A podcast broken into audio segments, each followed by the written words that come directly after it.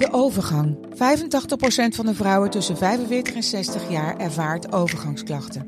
Klachten die kunnen leiden tot een verkeerde diagnose of langdurige arbeidsongeschiktheid. Wat kun je doen als je overgangsklachten ervaart? Hoe maak je dit bespreekbaar op je werk? En als jouw medewerker bij jou komt, wat kun je als werkgever dan doen? Sector Instituut Transport en Logistiek heeft een kennisplatform ontwikkeld waar jij terecht kunt voor tips en adviezen. Wil je er meer over weten? Kijk dan eens op stl.nl/slash Dit is Trick Privé, de dagelijkse showbiz-update met Evert Zandgoeds en Jordi Versteegde. Voor de vrijdag alweer de laatste podcast van deze week. Met natuurlijk straks als apotheose Evert. Eventjes aan Evert vragen. Ik zie je al gespannen klaarzitten. Ja, er zijn weer een hoop vragen binnengekomen. Dus daar gaan we zo meteen mee beginnen. Maar over vragen gesproken. Nou, die kreeg Jamie Vaas gisteren over zich heen van Robert Rodenburg. Heb je het interview gezien?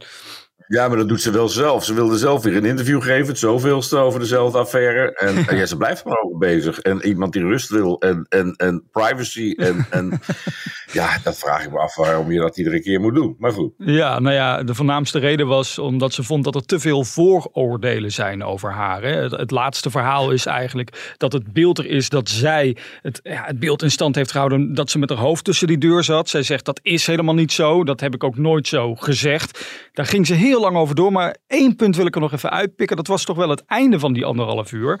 Namelijk dat ze nog zo ging uitweiden over haar kind. Dan denk ik, ja, waarom wil je dat in godsnaam doen in zo'n interview? Laat hem buiten. Ja, nou, het einde heb ik niet gehaald. Maar uh, jij zei van, ja, waarom ga je uitgebreid zitten vertellen dat dat uh, kind autisme heeft en zo? Ja, nou ja, dat, dat allemaal past in het plaatje en wat ze van zichzelf wil neerzetten, denk ik. En dat ze de zorgzame moeder is, die ze ongetwijfeld zal zijn. Mm. Maar uh, ja, dat, dat vinden, zij vindt dat wij dat allemaal moeten weten. Ja. ja. Tot slot hierover, vind jij het slim dat ze nu al een interview geeft, terwijl eigenlijk die rechtszaak natuurlijk nog loopt? Is dat nou handig allemaal?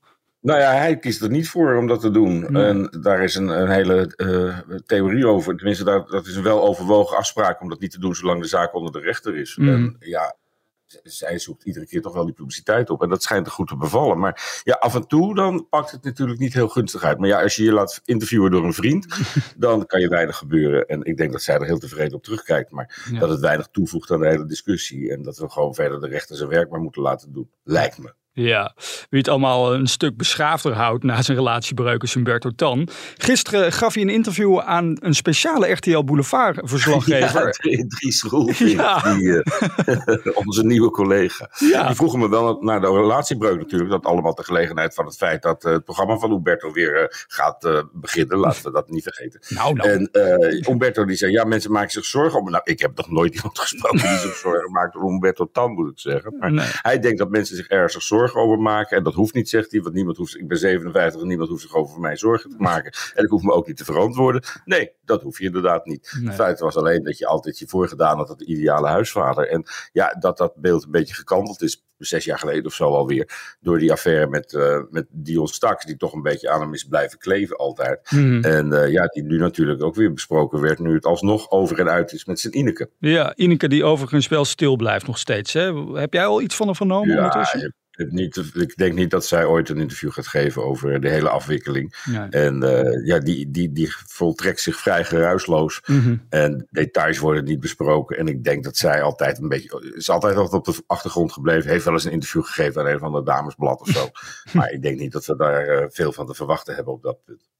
Wij gaan uh, feliciteren Willeke Alberti, die ja, eigenlijk midden in een hele moeilijke periode zit. Hè, op, op dit moment natuurlijk met Danielle ja. van het Schip, haar dochter. Toch 78 jaar geworden. Verdient een felicitatie natuurlijk.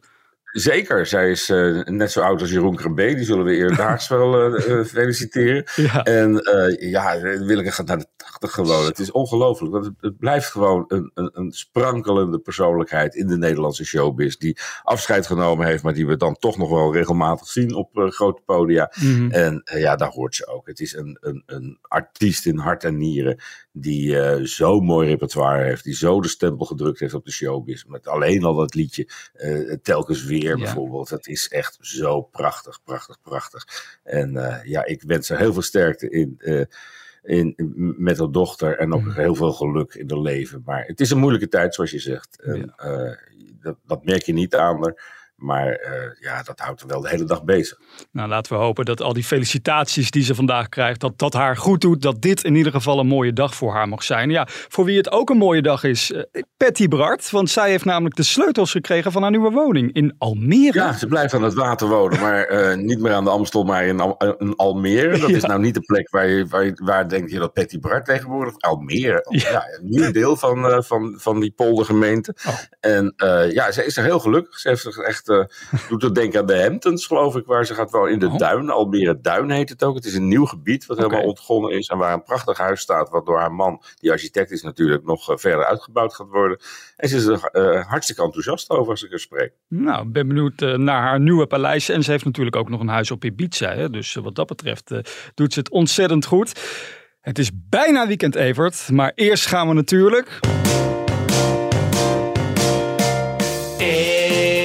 eventjes aan Evert vragen. Dat lijkt me echt een goed plan. Een vraag aan de privéman. Luisteraars die uh, iedere dag naar onze podcast luisteren, weten dat wij beide uit Helmond, dus uit Brabant komen. Emily, uh, ja, Emily heeft goed opgelet. Ja, alles is toeval hier in deze podcast. Maar deze vraag is wel leuk, want ja, omdat wij uit Brabant komen, vraagt Emily zich af: ga je dan ook carnaval vieren, Evert? Oeh, nee, al een paar jaar niet meer moet ik zeggen. Vroeger wel, veel in Den Bosch, met Albert Verlinde vaak uh, carnaval gevierd. En dat waren wel dolle avonden en dolle, dolle weekenden. Ja. Maar uh, bij de keienbijters in Helmond ben ik al heel lang niet meer geweest. En uh, ja, wel dat het natuurlijk ook wel mag zijn. Ja. Het carnaval in Helmond is wel heel groot. Op tocht kan ik me wel van vroeger herinneren dat, ja. dat ik daar maar enorm op verheugde. En één keer ontzettend baal omdat het zo hard sneeuwde dat het niet doorging. Maar oh ja. ja, ik, elk jaar denk ik, kan wel weer eens gaan. Ja. Maar ik denk toch ook dat het er dit jaar niet van gaat komen. Over de keienbijters gesproken. Ik zat dus vroeger daar in het Boerenkapel. Ik eh, holde achter die carnavalsverenigingen aan door de straten van Helmond achter mijn oh. trommel. Ja, wat dat betreft. Ik heb ook die, die tune hè, van ons, die we horen aan het begin van de podcast, die heb ik ingedrumd. Ja, dat ben ik. Nee, niet? Ja. Nou, ongelooflijk. Kosten nog moeite gespaard. Nou, we hebben nog wel even tijd voor één vraag van Mandy. Die volgt uh, ja, onze Oranjes op de voet daar, op de Cariben. En die vraagt zich af, hoe kijk jij nu terug op Amalia? Hoe doet ze het tot nu toe? Ja, het is natuurlijk een beetje een ongemakkelijke situatie. Daarom vind ik het ook flauw dat iedereen begint over dat dansen van Willem-Alexander. Kijk, hij kan daar niet als een stijve hark blijven staan en dat moet hij doen. En ja, en dat geldt ook een beetje voor haar. Het is natuurlijk een totaal onnatuurlijke uh, situatie voor een 19-jarige om je zo te laten toejuichen. En iedereen niet op je let en zo.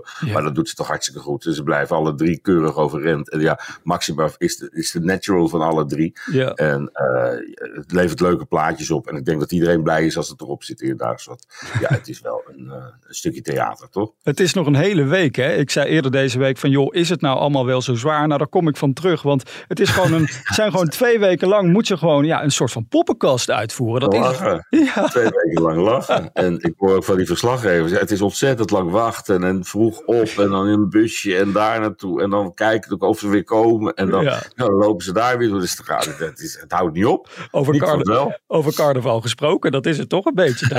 ja. Hey jongens, het is weekend. Yes, we spreken elkaar maandag weer om 12 uur. Dan zijn we er met een verse showbespreking. Oké, tot dan hè. Mooi weekend allemaal.